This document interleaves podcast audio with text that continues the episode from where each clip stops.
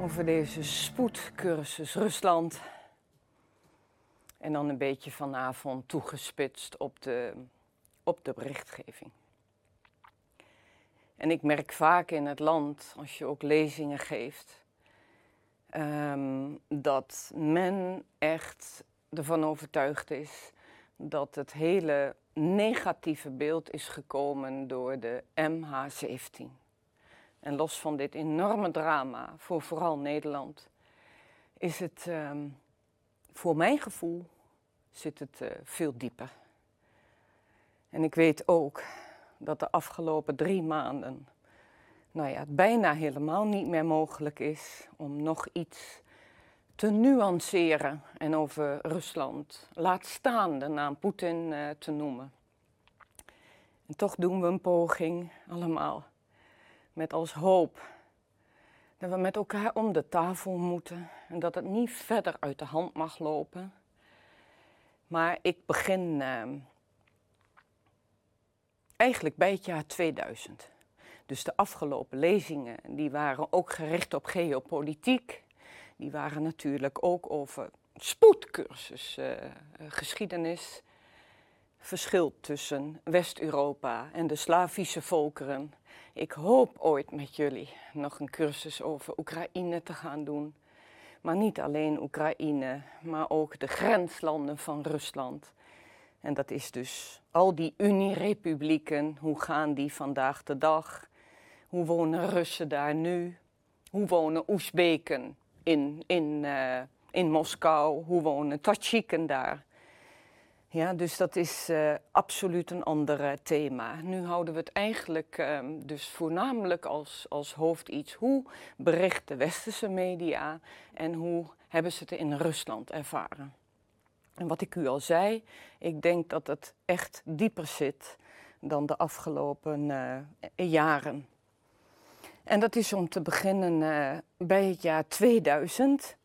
In het jaar 2000 um, blijf ik zeggen, ook dat heb ik de vorige week kort besproken, hoe ik het al zelf als westerse vrouw heb beleefd met een half jaar Rusland en een half jaar Nederland of een half jaar Kiev vanaf het jaar 2013, 14 en 15. Maar continu een half jaar Nederland, half jaar uh, Oostblok. Ja, Oostblok, dat zeg je nu niet meer, maar het Oost-Europese deel. Eigenlijk vanaf het jaar 2000 Opnieuw wil ik nog even die samenvatting zetten. Ik heb een land gezien uh, waar zo ongelooflijk veel ellende was. Het was gewoon een Libië-staat. Het was een ineenstorting. Het was hyperkapitalisme, waar alleen de rijken gas, olie enzovoort media in handen hadden. Een bevolking die ongelooflijk gefrustreerd, verarmd was operazangeressen die nu in een soort uh, uh, restaurantje stonden te zingen. Tot en met chirurgen die moesten rondkomen van een ander uh, klusje erbij. Het was zeer problematisch en ik blijf zeggen, als we in Europa toen wat meer hadden begrepen hoe gevaarlijk het in Rusland en Oekraïne was, met rondzwervend materiaal, uh, kernmateriaal, met al die bandieten en, en, en criminelen en toevoer van, van, van drugs. En dan nogmaals een bevolking die het allemaal niet meer aankon. Niet te vergeten alcoholprobleem. Is vandaag de dag ook heel veel beter geworden. Eerder, je bent een loser, ja, als je je helemaal vol laat lopen. Er zijn zoveel campagnes voor geweest. Het is echt, je hoort er niet meer bij. Um, maar oké, okay, twintig jaar geleden precies was het land er ongelooflijk slecht aan toe. En daar krijgen we dus deze uh, Vladimir Poetin. Ook daar nu geen achtergronden over. Misschien in de toekomst, wie is hij precies? Hoe ontpopt zich dit allemaal? Maar ik heb de vorige keer dus kort beschreven wat er van 2000 tot 2015, 16 in het binnenland is gebeurd. Ja, en dat ga ik niet herhalen. Een grote opgaande lijn. En mensen kregen hoop. Er werd op ieder gebied gewerkt aan economische wetten, aan, aan politieke instituties, uh, economische organisaties.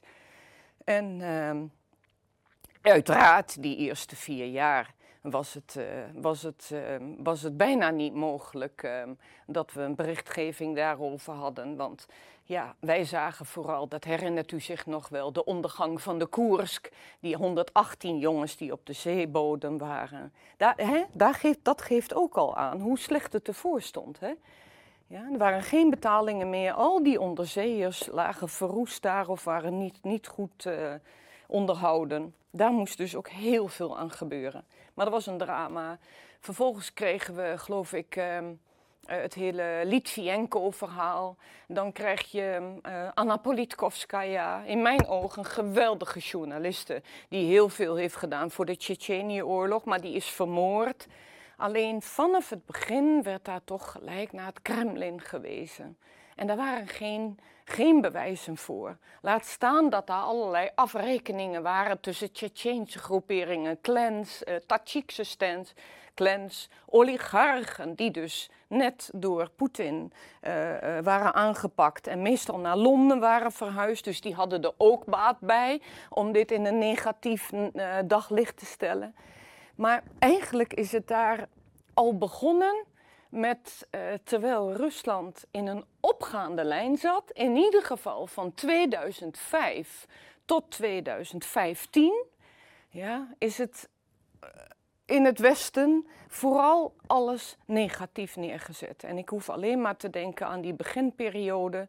Uh, um, ja, hoe, hoe, hoe, hoe deze Poetin met, al vrij snel met Dracula-tanden werd afgebeeld. Tot en met uh, autocraat, tot en met, mm, wat hadden we allemaal, sluwe, sluwe oogjes. Uh, um, nou ja, er waren ontzettend veel dingen die eigenlijk vanaf het begin westers werden belicht. En het was natuurlijk ook omdat um, Poetin, regering, probeerde om een stuk structuur aan te brengen. En dat was gebleken dat dat niet met die democratie kon, zoals wij die kennen. Maar hij had een andere naam, geleide democratie. Ja, en dat was uh, dat zij zelf het tempo bepaalde hoe het democratische Rusland vorm zou krijgen. Um, er was ook nog wat aandacht voor uh, de jeugdbeweging, Nashi. Ik heb er zelf veel onderzoek naar gedaan. In hoeverre wordt die jeugd echt helemaal uh, um, neergezet van dat ze alsof, alsof ze weer communistische partijlid waren met allemaal trainingskampen. Um, ook dat voelde ik van, hè, verdorie, dit is ook eenzijdig neergezet. Um, maar daar was een soort opleving dat mensen weer wat behoefte hadden aan structuur. Dat ook kinderen op een soort patriotistische manier werden opgevoed. Scholen kwamen dus nogmaals weer terug. Wel of niet kritiek dat kinderen weer in uniform moesten lopen. Is heel vrij. De ene provincie zegt: uh, wij willen graag dat onze kinderen. Uh, in een, in, een, in, een, in een uniform lopen, de meisjes in een rokje. En een andere gouvernement was weer veel vrijer daarin. Van iedereen gewoon eigen kleding. Maar het was een reactie op die jaren negentig. Waarbij dus alleen rijke papa's kinderen uh, hun Gucci-schoenen konden laten kopen. Tot allerlei, allerlei andere mooie merkkleding. Dus nu kwam dat weer terug. En dat hoort dan in de, in het, in het, um, in de, um, in de berichtgeving met. Uh, Nashi, dus de jeugdbeweging. Dat bestaat nu niet meer, maar ik weet wel dat daar toen uh, flink op ingezoomd is in de westerse wereld. Nog even over deze begintijd met de opgaande lijn in Rusland. Het was echt een, een, een, in ieder geval 2008, 2009, het was een verademing om mee te maken, tot op de dag van vandaag. Ja? Om schone straten te zien, Waar niet alleen maar drogspuiten lagen, condooms, tot en met uh, spuiten, tot en met zwervers, tot en met ik weet niet hoeveel losers. Ja, het was echt prachtig om mee te maken in die parkjes. Dat, uh, je zag het gewoon, dat mensen opbloeiden. Ik had nooit kunnen denken dat een Rusland, die, wat er zo slecht aan toe was, dat daar echt een opleving mogelijk was. Allerbelangrijkste is natuurlijk, de middenklasse krijgt kansen met nieuwe wetten, met mogelijkheden om naar een rechter te gaan. Veel Duitse bedrijven mocht je begeleiden, veel uh, Nederlandse bloemisten, uh, klein bedrijf. Dat je niet meer huiverig hoefde te zijn, dat er een mafioos achter je aan zit. Kortom, heel langzaam zie je dit gebeuren in het grote uh, Russische land. Met heel veel uitdagingen. Um, geopolitiek is en blijft als laatste keer een heel belangrijk jaartal 2008. 2008. Het is het moment waar de NAVO voor de derde keer aangeeft: we gaan nog verder met uitbreiden. En daar zit vandaag de dag het grote probleem, blijf ik zeggen. Dus de eerste uitbreidingsgolf, los van ons gebroken de, het woord, uh, is dus in 1997. Dan krijgen we de tweede uitbreiding in 2004 met de zeven landen erbij. En dan krijgen we in 2008 dat het niet meer is de uitbreiding in het oude Europa, wat betreft Polen en Tsjechië en Slowakije en Roemenië en al deze landen. Maar nu is het dus in de achtertuin, of zeg maar Oekraïne van Rusland, waar dus op dat moment nog miljoenen Russen woonden. En wat Rusland ook beschouwt. In ieder geval de helft ervan en de zuidkant als zijn invloedssfeer. En daar zag u een Poetin in 2008 die aangeeft bij de NAVO: als jullie Oekraïne bij de NAVO gaan nemen, dan zeggen wij uh, halt. Dit is niet wenselijk en niet goed voor onze relatie. Dus zo lang zit het al dat Rusland hier zich over beklaagd heeft. Met opnieuw, het land was zeer westers ingesteld. Daar ben ik 100% van overtuigd. Ja, heel erg gericht op Europa. China was toen nog maar opkomend, weet u. En het was zoals Russische mensen in de regering, zoals mensen in de wetenschappelijke sfeer, mensen in het MKB, waar dan ook. Europa was de weg, daar hadden ze al eeuwen banden mee. En ook nu namen ze als het ware, ik heb u vaker gezegd, af en toe bij het naïeve af. En dat blijf ik ook herhalen, hoe moeilijk het nu ook is om de naam Poetin te noemen. Met dit, met dit drama wat gaande is, na nu honderd dagen.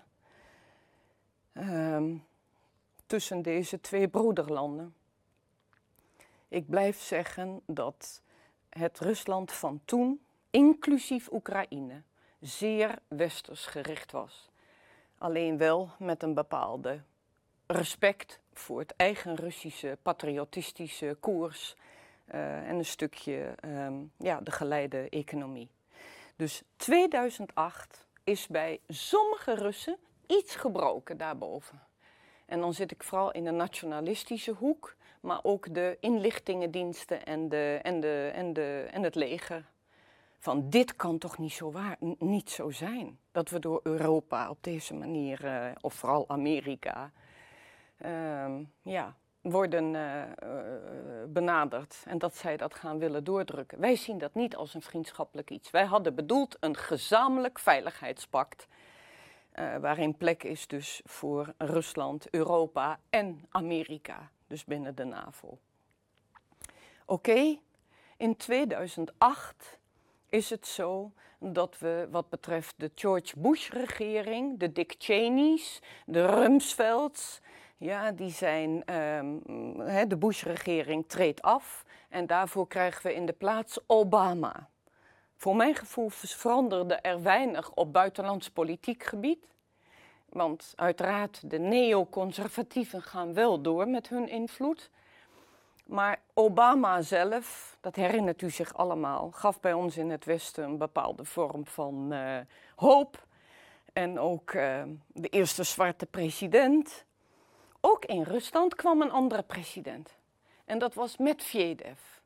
En dat werd wel in de westerse media gelijk neergezet van, oh, dat is een uh, marionet van Poetin. Of een, uh, een, een, wat was er nog meer? Een, een, first lady. Ja, uh, kan. Ja, zit ook veel van in. Aan de andere kant, dit is nou net die groep liberalen die zo pro-westers was ingesteld. Eh, die vandaag de dag zo teleurgesteld is in Europa. Ja? Die hebben zich eerder uh, tot nationalisten ontpopt.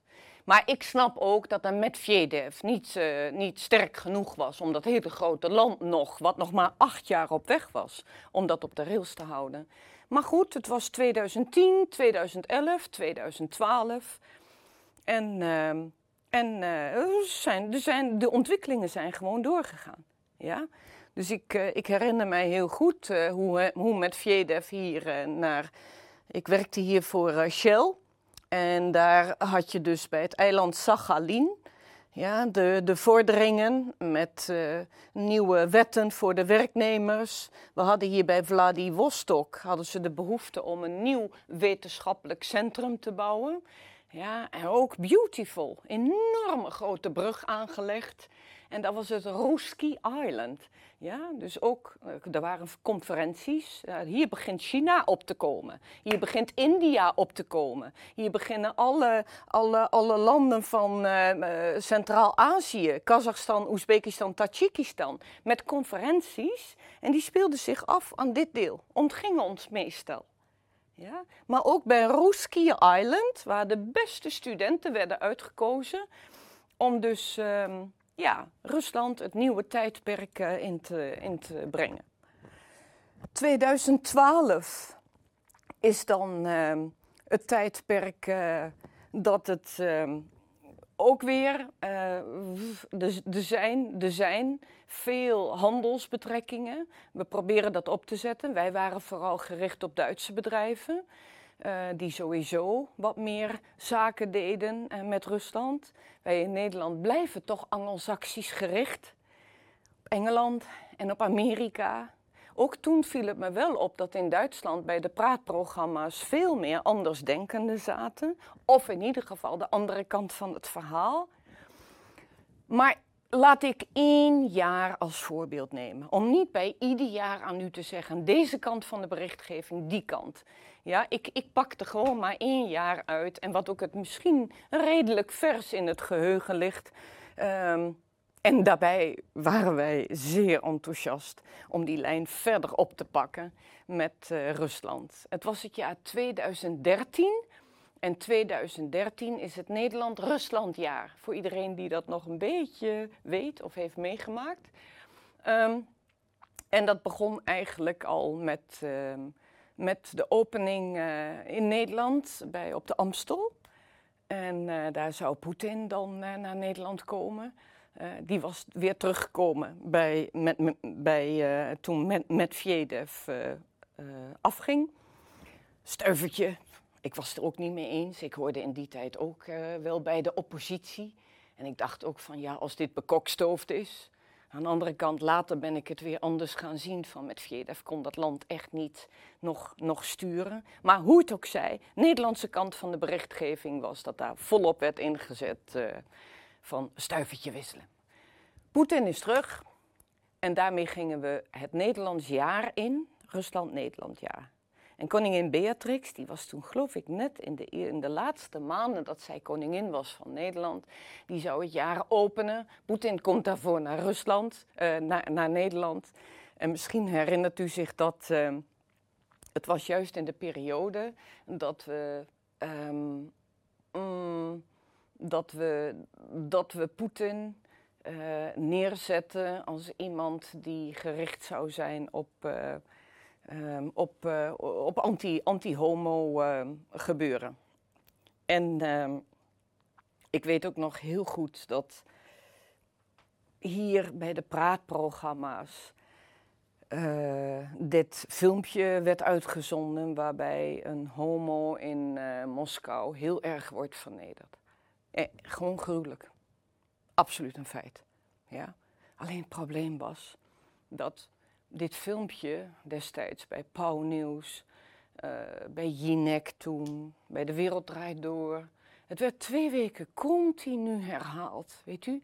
En dat gaat dan gewoon ook vastzitten bij ons, dat het allemaal heel onveilig is in Rusland. En, en, uh, en dat maakte ook op het moment dus dat Poetin dan binnenkwam in Nederland, naar de hermitage ging. Oh, overal lagen dus van die bootjes in de Amstel. Overal uh, waren protestmars aan de gang. Overal zie je dat Dracula-hoofd van Poetin. En ehm, nou ja, het spreekt dus voor zich. Ja. In wezen hadden mijn Russische kennissen, vrienden, uh, krantenkoppen daar, hmm, waren nog redelijk rustig daaronder. Werd geaccepteerd. Um, maar het was uh, wel buitenproportioneel hoe, hoe lang het eigenlijk aanhield. Laten we ook even niet vergeten dat bij die beginnende middenklasse, zoals ik u dat vertelde, vanaf het jaar 2000, ja, nogmaals, voor het eerst, voor het eerst in duizend jaar geschiedenis heb je een, een, een opgaande lijn, dus een, een beginnende middenklasse. En, maar het is wel een patriarchaal land, dus zo makkelijk lag dat even niet. Tuurlijk had je daar wensen van mensen met een homoparade. Maar het was, uh, het was vanaf het begin uh, gewoon ging het, ging het fout. En ik heb toen heel vaak geschreven bij uh, NOS en ook bij eh, RTL, herinner ik me. Van kom nou eens met een cameraploeg. Want het was net begonnen in Sint-Petersburg. Zulke leuke keldertjes. Zo'n mooie sfeer bij de kunstenaars, waar je gewoon homo's en lesbiennes samen zag. Je hebt ook een hele grote discotheek in Moskou. Ja? Ik nam vaak uh, mijn mensen daar naartoe. Kun je geweldige borrel drinken. Kijk je uit over prachtig groot Moskou met al die lichtjes. En ook daar was een sfeer van alle homo's, uh, lesbiennes, travestieten. Het was zelfs helemaal in de mode om om zo mooi mogelijk als travestiet tevoorschijn te komen. Ja? Dus ga me niet vertellen dat het er niet is. Het is er wel.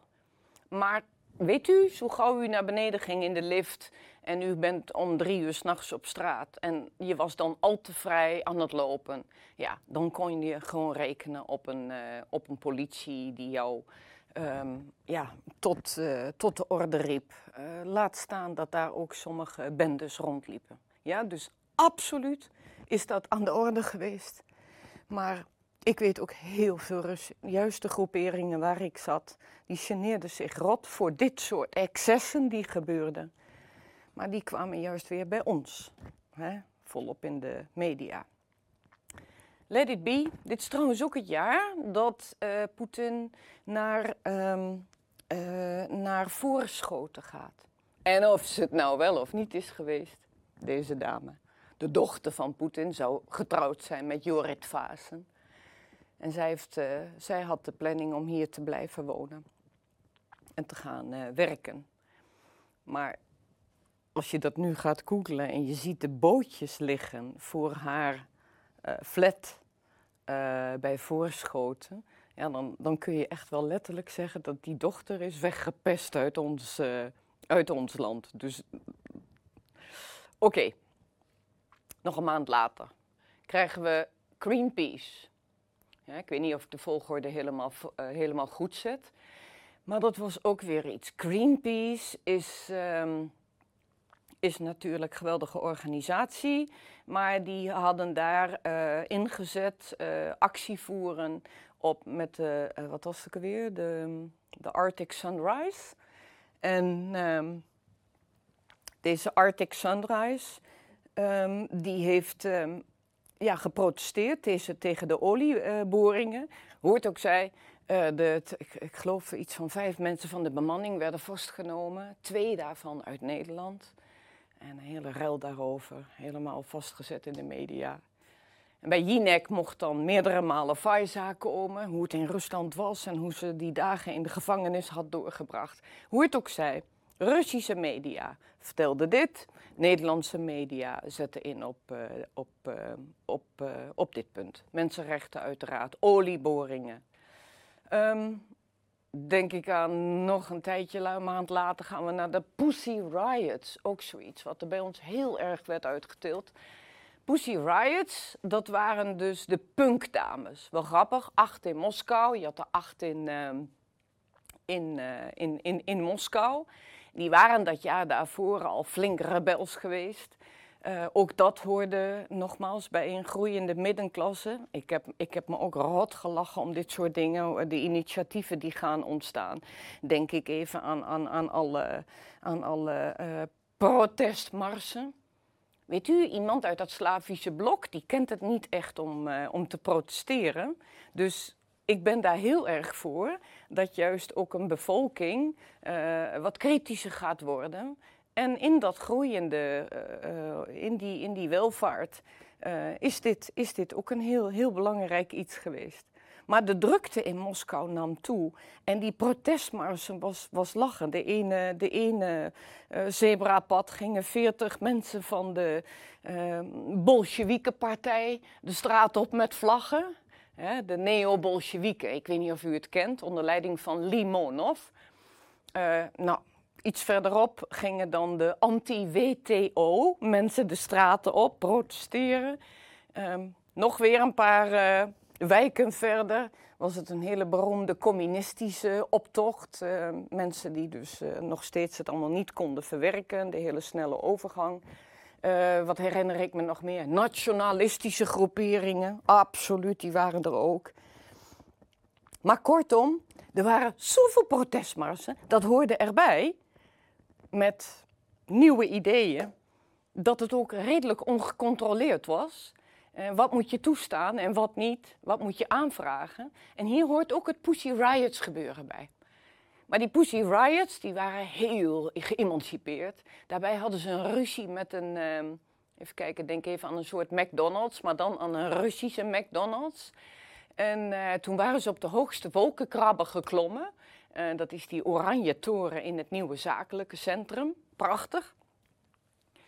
Maar toen hij nog net uh, niet af was, zijn ze daarop gaan klimmen, gaan, gaan zingen, spanborden uiteraard. Maar het was vooral het signaal na deze Russische vleesfabrikant, dat er dus een levende kat naar beneden gegooid.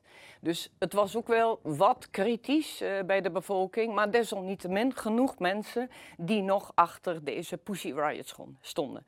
Doordat ze door deze actie minder populair waren, moest er even weer wat anders ondergebracht worden. En toen hebben ze op de grote kerk, um, vlakbij het Rode Plein, dat is de Christus Verlosserkerk, die was net gebouwd, prachtig. Um, ja, hebben ze daar op het hoofdaltaar gestaan. Ik weet niet of u het nog herinnert. Ook uh, aparte gewaarwording. Maar Goed, Nederlandse, westerse kranten, uh, de dames met de bivakmutsen op. De ene zei, ja, moet gewoon kunnen. Uh, iemand anders zei van, nou, het zou bij ons bij het Vaticaan ook niet kunnen. Maar hoe het ook zij, neemt u maar een middenweg. De Pussy Riots, die hebben daar uh, op, het, op het altaar gestaan. En daar heeft de politie redelijk grof opgetreden, ja. Eén is naar... Um, mm, voor een jaar naar Siberië verbannen en een naaiatelier. Dus wij schrijven daar uiteraard over. Met de mensenrechten moet dat allemaal kunnen. Daarna mag de dame weer aanschuiven bij Jinek, deze Masha en Katja.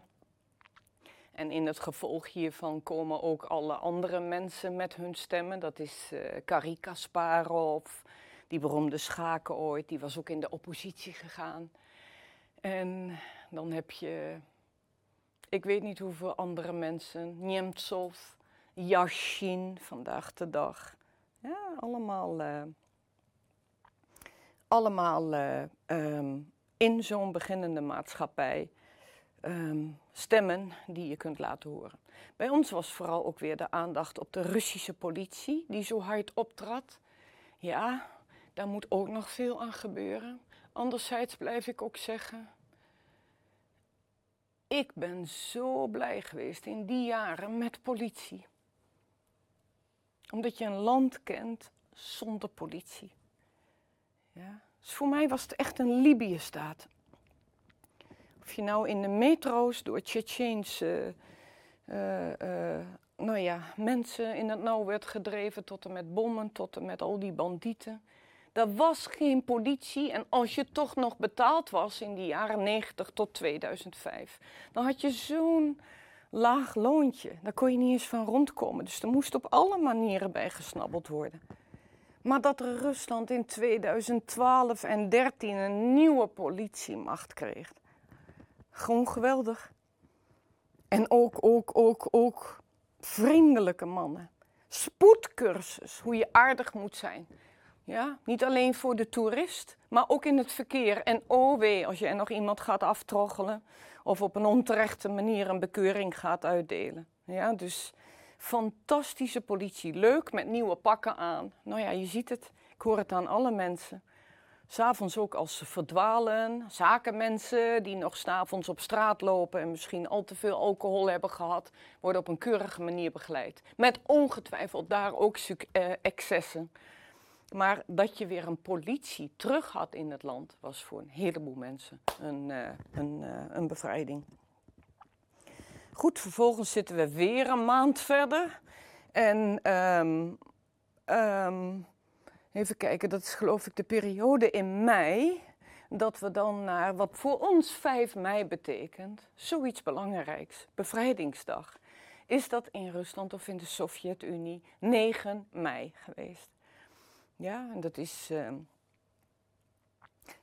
dat is. Uh, uh, de grootste feestdag voor, voor, voor alle Russen. En hier zit ook iets in, het onbegrip. Echt onbegrip in het, in het Westen. Ja, omdat bij ons is die basis weg, die hele geschiedenisbasis. Wat we beide, beide gevochten hebben tegen Hitler. Ja, heel, heel belangrijk iets. En Russen, Russen hebben hier heel veel moeite mee gehad de afgelopen jaren. Dat dat bij ons niet meer bekend was. Of dat we zo'n dag van hen zo gingen belichten op onze televisie, alsof daar alleen militair vertoon was. En, en deels klopt dat ook. Ja? Dus ik snap het als een meneer Poetin daar op dat rode plein zit en hij zit met generaals om zich heen. En daar komt dan dat militair geschut overheen. Ja, dat is uh, voor ons uh, niet zo makkelijk uh, te vatten. Maar anderzijds, die ongelooflijke mooie sfeer. Ik raad u allemaal aan. En voor de mensen die er geweest zijn op 9 mei, mijn favoriete datum om daar naartoe te gaan. Of u nou in de kleine dorpjes bent, of in het verre Siberië, of in Moermansk. Ja, overal wordt dit 9 mei gebeuren uh, gevierd. En het is niet zwaar. Ja, u hebt er kleine kinderen lopen met ballonnen. U hebt er opa's en oma's met medailles. En weet u, in de ochtend en in de middag ziet u honderdduizenden mensen. Ja, allemaal met vlaggen lopen en met, uh, nogmaals, uh, hele generaties. Ze komen nogmaals overal vandaan, uit Rusland, maar ook uit Tajikistan en uit Kyrgyzstan. En daar uh, wordt dus gevierd dat we Hitler hebben verslagen. En wat daar voor mensenoffers zijn geweest. Dus laat ik het globaal zeggen. Ja? Ik heb ook nog altijd, als ik over die lange weg rij van, de, van Nederland. Ik moet vaak met de auto rijden. Ja? Dus van Nederland over Berlijn. En dan over Warschau, wat nu allemaal de Europese Unie is. Maar dan kom je in Wit-Rusland. En hier begint het echt ontzettend wijd te worden met beren, met elanden, met verre heuvels, bomen, bomen, moerassen, stilte. Beautiful. Maar al die dorpjes die aan deze lange weg liggen, in Wit-Rusland bij Minsk tot en met Moskou. Ja, dit is iets van, nou ja, 1200 kilometer, hè, 3500 kilometer naar Nederland. Maar wat hier is huisgehouden door, de, door Hitler-Duitsland, het is niet te bevatten. Even los van alle steden, veel steden met een miljoen inwoners om het leven gekomen. Maar die straat die ik rij, of die, die weg, met die stilte waar die dorpjes zijn, nog steeds zie ik getraumatiseerde mensen die uit die hutten komen en of het zijn kinderen van, uh, van ouders die dat niet overleefd hebben. Of het zijn mensen die zo nog hiermee rondlopen. Ja, dat is uh, het, de terreur van Hitler-Duitsland in deze Sovjet-Unie is, is, is ongelooflijk geweest. Dus om en nabij 28 miljoen mensen die het leven hebben gelaten. Ja, dus, en bij ons is juist de laatste jaren, uh, um, misschien door, door het gebrek aan geschiedenis of door eh, te weinig weten um, van deze Tweede Wereldoorlog. Als je bedenkt, die geweldige Amerikanen, die ik altijd bedank, 300.000. Ja, of het zijn de, uh, de Canadezen of het zijn de Engelsen met ook uh, meer dan 300.000. Ongelooflijk groot aantal. Maar als je dat ook vergelijkt met 28 miljoen minimaal, waar nu nog mensen iedere keer worden gevonden in de bossen. Want dat is vrijwilligerswerk voor, voor jonge Russische mensen. En dat hoofdstuk is voor Russen zo onbegrijpelijk dat wij dat niet beter weten. En dat zij betrokken worden, dat zij als geallieerden worden meegenomen in, ehm, in, in, uh, in de berichtgeving ook. En natuurlijk kan ik zeggen van ja, maar wij, wij zijn door Engelsen en door Canadezen en Amerikanen bevrijd. Ja, maar dan nog kun je je afvragen, wat zou er met ons gebeurd zijn in Europa als überhaupt die Sovjet-Unie niet had standgehouden? In hoeverre zouden wij dan, zouden wij dan onder Duitse dictatuur zijn gekomen? Ja, dus een hele lastige.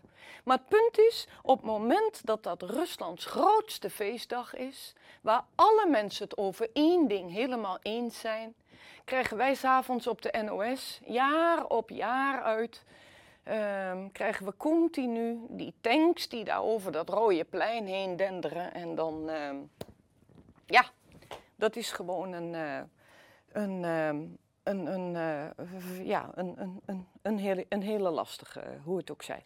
Ja? En ik weet dat er bij u heel veel mensen zijn die veel dieper ingelezen zijn.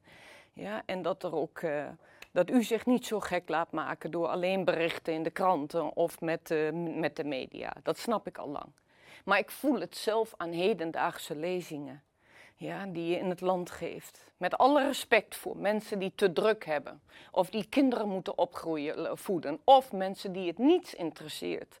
Ja, het is gewoon moeilijk, want ik weet zeker dat er iets van 90% is die uh, ja, de media aan onze kant, of onze politiek, of de Amerikaanse politiek alleen als de juiste ziet. Maar het mediagebeuren zit veel dieper dan de afgelopen MH17 en dit drama wat zich nu afspeelt. Ja, dus uh, de maand daarop is Stalin, ook weer bovenop in de kranten bij de NRC, bij de Volkskrant, bij, uh, bij de, mm, in de politiek wordt het zelfs genoemd. Continu het verheerlijken van Stalin. Stalin, ja, ze lopen met borden van Stalin. Ook dit is iets, ja. Ik ken geen fatsoenlijk iemand in dat gebied waar Stalin wordt verheerlijkt. Absoluut niet.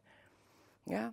En uh, ik denk dat dat meer in die nationalistische groeperingen zit. Ik denk uiteraard ook dat het bij wat gefrustreerden zit en bij wat losers. Maar iedereen weet wat Stalin heeft aangericht in de jaren uh, 30, 40, 50, uiteraard. Maar niet alleen in Rusland. Ja, mensen zitten in Kazachstan nog steeds met de naweeën daarvan. Ja, en ook Oezbekistan en natuurlijk uh, Armenië, Azerbeidzjan, Wit-Rusland, Oekraïne niet te vergeten. Ja, dus Oekraïne zegt vaak vandaag de dag met de Holodomor, dat is die hongersnood, dat is ook vreselijk geweest in Oekraïne. Ja, maar net zo goed hongersnoden. En de klop op de deur in Moskou. Ik heb bij zoveel uh, mensen gehoord tot en met in de archieven gezeten. En ik zie ook dat er wel over bericht wordt. Dus als men zegt dat dat nauwelijks bericht wordt in Rusland, of dat dat in de doofpot wordt gestopt, moet je die schoolboekjes zien. Ja? Tot in het verre Siberië moet, is dit verplicht op het programma. Ja? Daarbij eh, televisieprogramma's. Hoeveel documentaires worden hierover gegeven? Ja?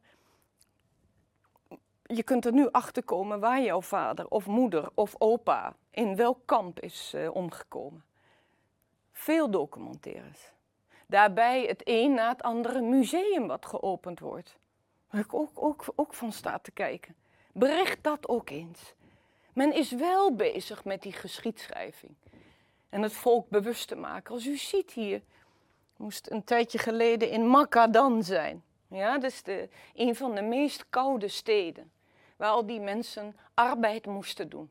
Je werd daar naartoe verbannen. En dan moest je een weg aanleggen door het ijs en de vreselijke toestanden. Maar als u nou ziet bij dan, wat voor een treurend groot monument daar is neergezet.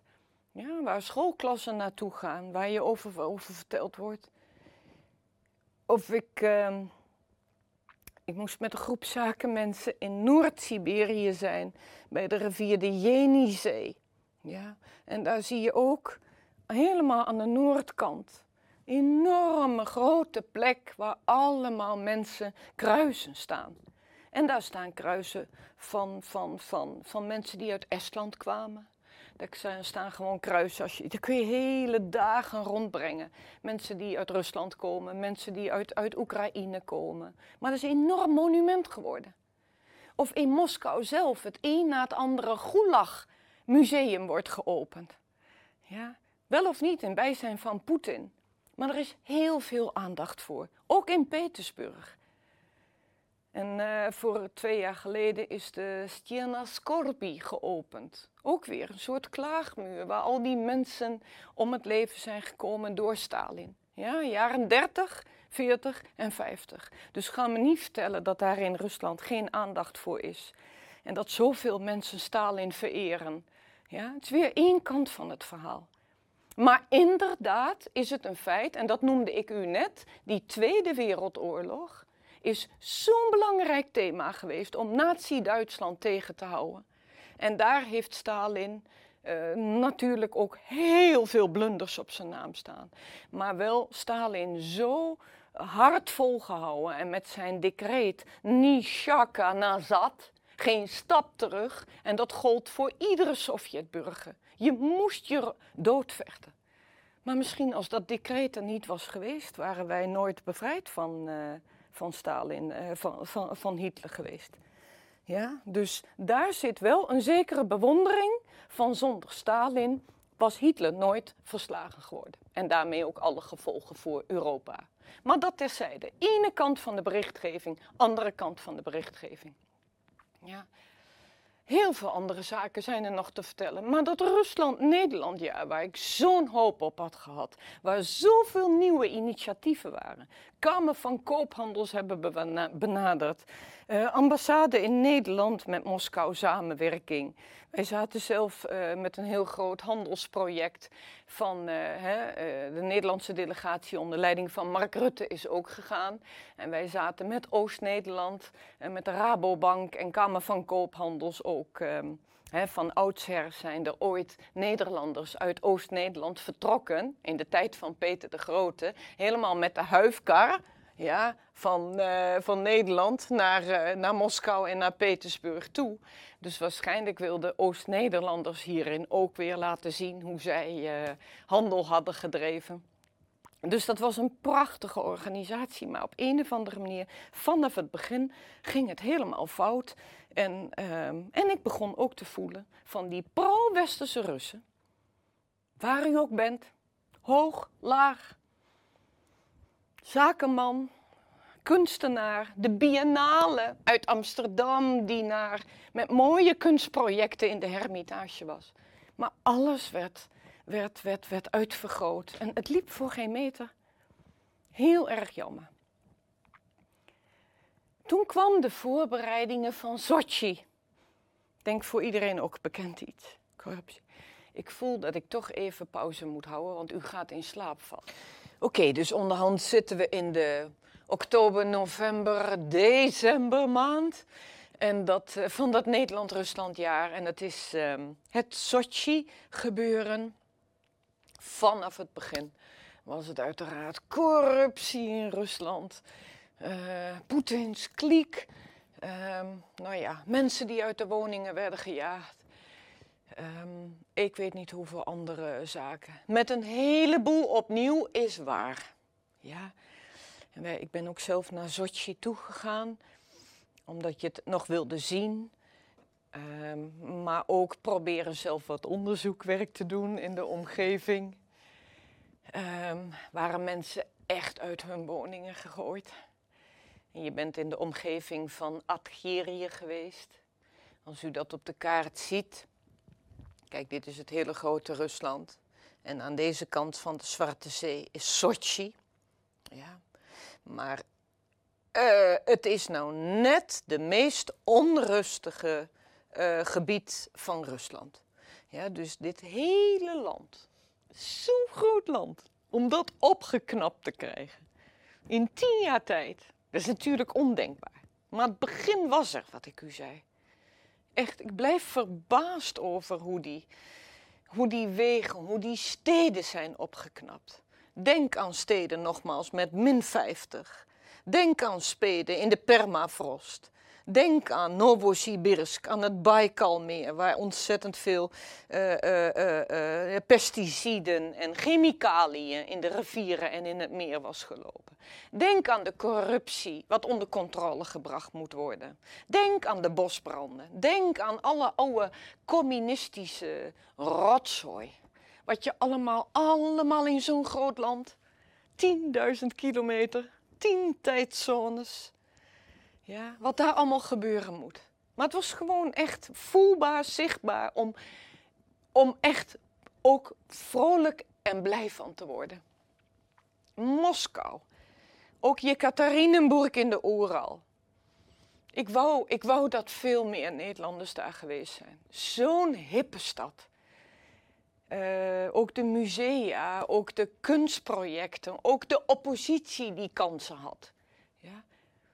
Maar vooral het moderne leven in, uh, in die grote steden, dat loog er niet om. En ik blijf het ook mooi vinden hoe normen en waarden werden opge, opgebeurd. En nogmaals, uh, ja, al te veel uh, andere zaken wat betreft losers of criminelen of decadent gedrag. Het blijft er altijd, net als in ieder land waar vrijheid wordt toegestaan, maar waar mogelijkheden zijn. Maar in grote kansen zie je gewoon daar de opgaande lijn. Dus die Russen waren zo blij met na tien jaar dat er weer mogelijkheid was dat zij de Olympische Spelen hadden. Ja, super. Dus bij ons was deze zaak van uh, vooral corruptie en Poetins vrienden. Um, en ik ben daar naartoe gegaan. Ik wilde ook zelf in dat gebied gaan rondreizen om te horen of mensen in de buurt van Sochi daadwerkelijk uit hun woningen zijn gezet. Ja, en dat klopt. Dat heb ik gehoord. En ik heb ook uh, mensen uh, uh, gehoord die zeiden van ja, wij kregen allemaal betalingen, ehm, maar die werden nooit betaald. Heb ik zeker gehoord. Maar ook weer in het groot, wat betreft de omgeving daaromheen, 100 kilometer, 200 kilometer verderop. Het was uh, soms een moeder en een dochter, waarvan die dochter zei van ja, we zouden graag terug willen naar, uh, naar Sochi. Maar moeder zegt, moet kijken kind, we hebben nog nooit zo'n mooie woning teruggekregen. Met zo'n strakke keuken erin. Zo heb ik veel mensen gehoord. Nieuwe dorpjes zijn aangelegd. Dus heel triest voor de mensen dat ze moesten vertrekken. Maar het was niet zoals in China, dat je niet gecompenseerd werd. En het was zeker aandacht voor deze mensen. Uh, uh, uit de omgeving van Sochi. Dus zeker, qua menselijk iets, belangrijk uh, punt om te melden. Maar wat is het allerbelangrijkste? Wat ook meegenomen werd en wat ik miste in de westerse berichtgeving. Los van mooie, mooie jobs voor Poetins vriendjes. Dat is dat in dat grote land waar ik over begon, om dat op te knappen. Ongelooflijk zoveel werk dat dat, uh, dat, dat, dat, dat, dat, dat kost. Maar de meest onrustige buurt was nog steeds de noordelijke Caucasus. En juist daar was Sochi. Dus ik denk wat raar dat deze Poetin nou juist daar in dat gebied een, een Olympisch uh, dorp gaat bouwen. Zo onrustig. Caucasische clans nog boven in de bergen. Goed, ik heb twee Russische journalisten meegenomen. Een stukje beveiliging ook. En ik ben het hele gebied daar af gaan rijden. Ja. Dus het is niet alleen Sochi wat uh, een megaproject werd. Het was tevens bedoeld om die gebieden, de provincies binnen de Russische federatie, hoog boven in de bergen, ja, islamitische bevolking, maar waar ook armoede was. Nou, u hoeft alleen maar aan Tsjetsjenië te denken. En het is. Uh,